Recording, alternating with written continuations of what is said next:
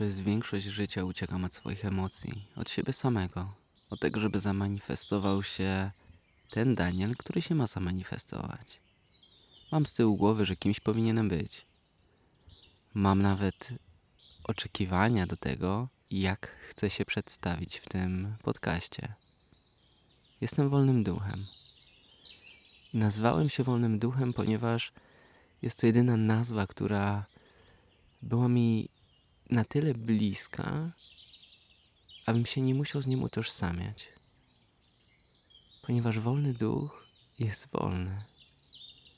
Nie ma osobowości, której musiałby grać. Gdy byłem teraz na kwarantannie, ten ostatni podcast, ostatni sezon, który może miałeś okazję odsłuchać, a może nie, nie jest to aż tak ważne. Jednak powiedziałem ci, że rozpocząłem tam proces który związał się ze strachem. Tego, że nagle przestałem się bać konfrontacji, przestałem się bać dorosłego. Tego, że potrafiłem zejść do swojego wewnętrznego dziecka, uświadomić sobie, że on istnieje, że jest tam w środku mnie taki mały Danielek, który miał swoje historie, który miał swoje bóle, przeżycia i nie miał za bardzo odwagi, żeby przeżyć te emocje. W końcu był dzieckiem. Nie wiem, czy dzieci mają na tyle odwagę.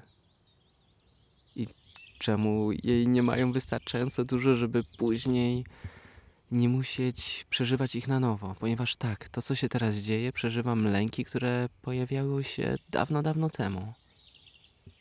Te lęki prowadziły moim życiem, kierowały moimi wyborami i nie chcę więcej od siebie uciekać. Bo największą odwagą, jaką każdy może mieć, to jest bycie ze sobą, ze swoimi emocjami, ze swoim smutkiem. Nie uciekanie od niego, tylko bycie z nim, całym, całym sobą.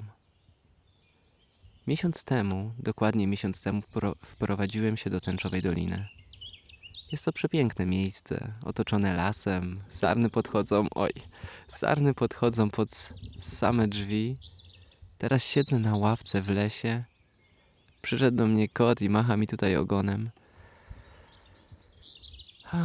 Więc jestem w pięknym miejscu. Ale zauważam, że we mnie dzieje się piekło.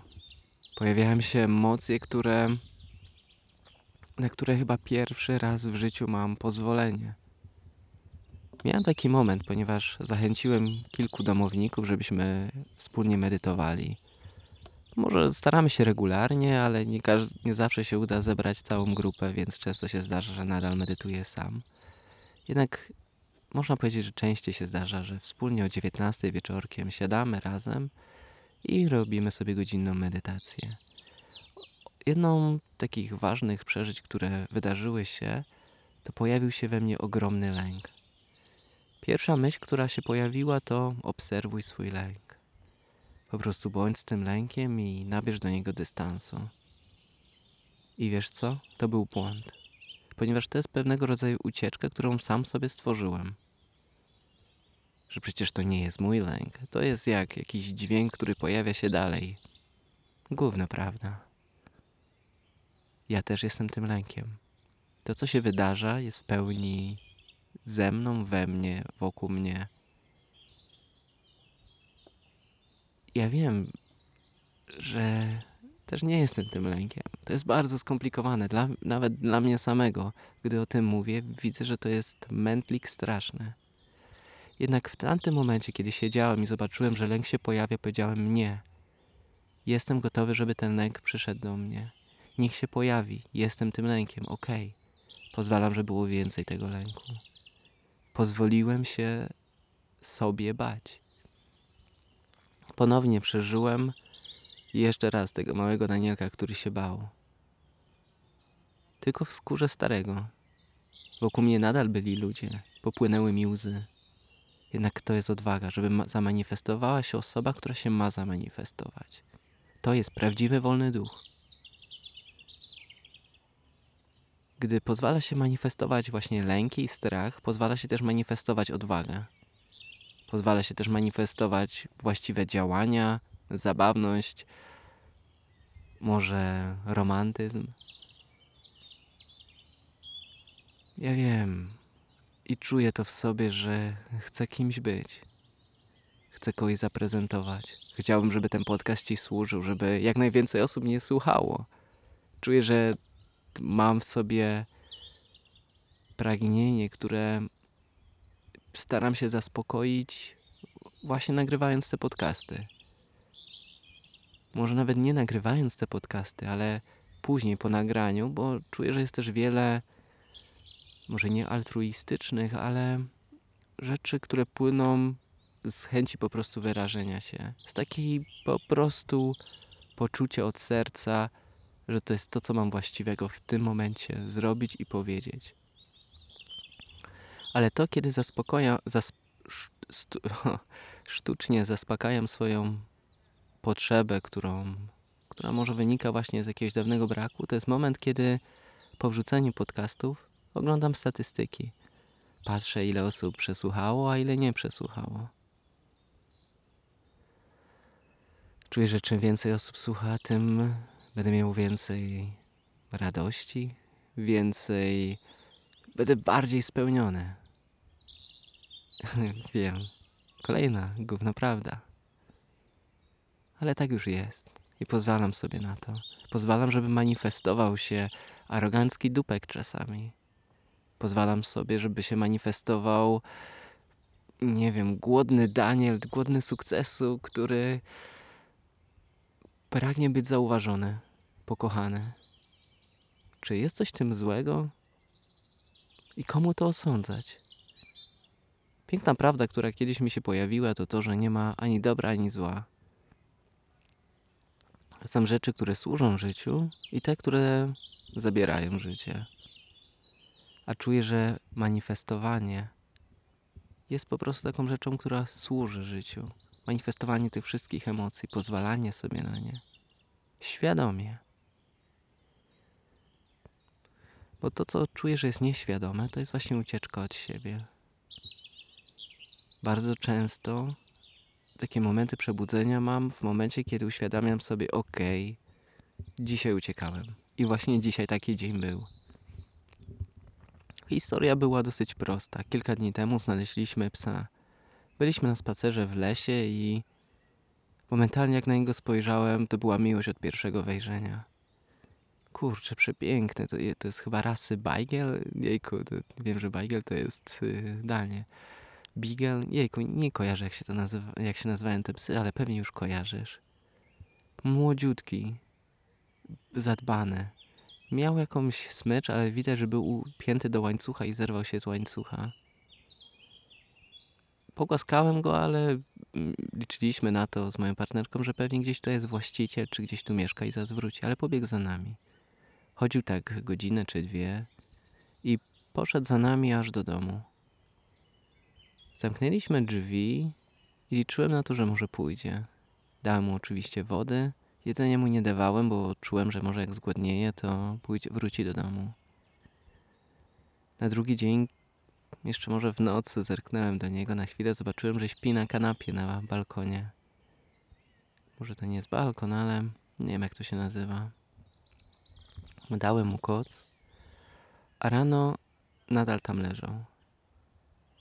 Przywiązałem się niesamowicie szybko, poczułem z nim więź i chciałem, żeby został. Chciałbym, chciałem, widziałem i wyobrażałem sobie wspólną przyszłość, jak razem z nami jedzie w kamperze, jak nazwałem go nawet Buddy. Poczułem momentalnie, że tak, jego imię to jest Buddy, czyli taki kumpel, przyjaciel po, po angielsku. Jednak w tęczowej dolinie pies nie może być. Nie mi to ustalać nie, ja tu jestem właścicielem. Już, już dawno odpuściłem te poczucie, że mam głos tu. Raczej jest to przestrzeń, której teraz korzystam, z której biorę swoje to, co najlepsze. Staram się mieć wkład, ale to może jeszcze nie teraz i nie na ten podcast. Przez to, że pies tutaj nie mógł być, mm, oczywiście zaczęliśmy szukać właściciela. Wysłaliśmy na Facebooku też, nawet na grupie facebookowej z tą rasą psów. I zaczęli się zgłaszać ludzie, którzy powiedzieli, że z przyjemnością wezmą tego psa, dadzą mu dom tymczasowy, dopóki nie znajdzie się właściciel. I, I właśnie jedna z takich osób przyjechała. Wiedziałem dzisiaj od rana, że ta osoba przyjedzie i, i wypierałem, że czuję jakąkolwiek więź z tym psem. Oczywiście podchodziłem do niego, czułem tą miłość, tą, tą radość, tego nie wypierałem. Ale wypierałem ból, który się wiązał z tym, że on za chwilę odejdzie. Dzisiaj miałem mieć bardzo produktywny dzień. Zaplanowałem sobie zadania do wykonania. Nawet zainstalowałem aplikację, która ma śledzić czas, jak długo wykonuję, abym po prostu nie miał aż tak dużej prokrastynacji, tak to się nazywa, czyli, czyli niewykonywania zadań. Ale nie dało rady. Uciekałem. Poszedłem do lasu i, i też czekałem, aż ta osoba, która przyjedzie, żeby mógł ją zobaczyć, porozmawiać, e, czy na pewno się upewnić, czy Barry idzie w dobre ręce. Ale wyciszyłem telefon. Usiadłem na ławce i udawałem, że, że nikt jeszcze nie przyjechał, chociaż wiedziałem, że ktoś przyjechał. Wiedziałem, że jak siedzę na tej ławce, to mój kumpel odchodzi. Ktoś go zabiera. I gdy pozwoliłem sobie poczuć te emocje, zobaczyłem, że to chodzi nawet nie o tego psa. To chodzi o emocje, których nie przeżyłem wcześniej. Emocje, które były już dawno. W dzieciństwie miałem psa i, i został mi zabrany. Wtedy nie przeżyłem żałoby, teraz sobie na nią pozwalam. Pozwoliłem sobie na to, żeby popłynęły mi łzy.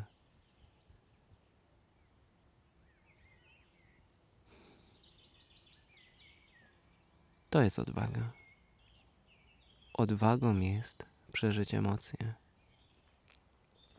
Mądrością jest uświadomienie sobie, że się ucieka. Jeśli miałbym sobie czegokolwiek życzyć, to właśnie tego, żeby miał jaja, żeby stawiać czoła swoim emocjom, żeby być świadomy. Nie stosować różnych sztuczek, których się nauczyłem. Ja wiem, że one mnie chronią, ale jestem gotowy, aby wyleczyć się i nie pozwolić, aby podświadome schematy, którymi działam od dawna, kierowały moim życiem. Oczywiście medytacja mi w tym pomaga, bo czasami, tak jak na przykład przy tym lęku, mam medytację, która naprawdę służy, która tworzy, która daje mi tą przestrzeń do tego, żeby te emocje się pojawiły, żeby moje ciało mogło wyrazić siebie, moje emocje, myśli, które mają, mam usłyszeć.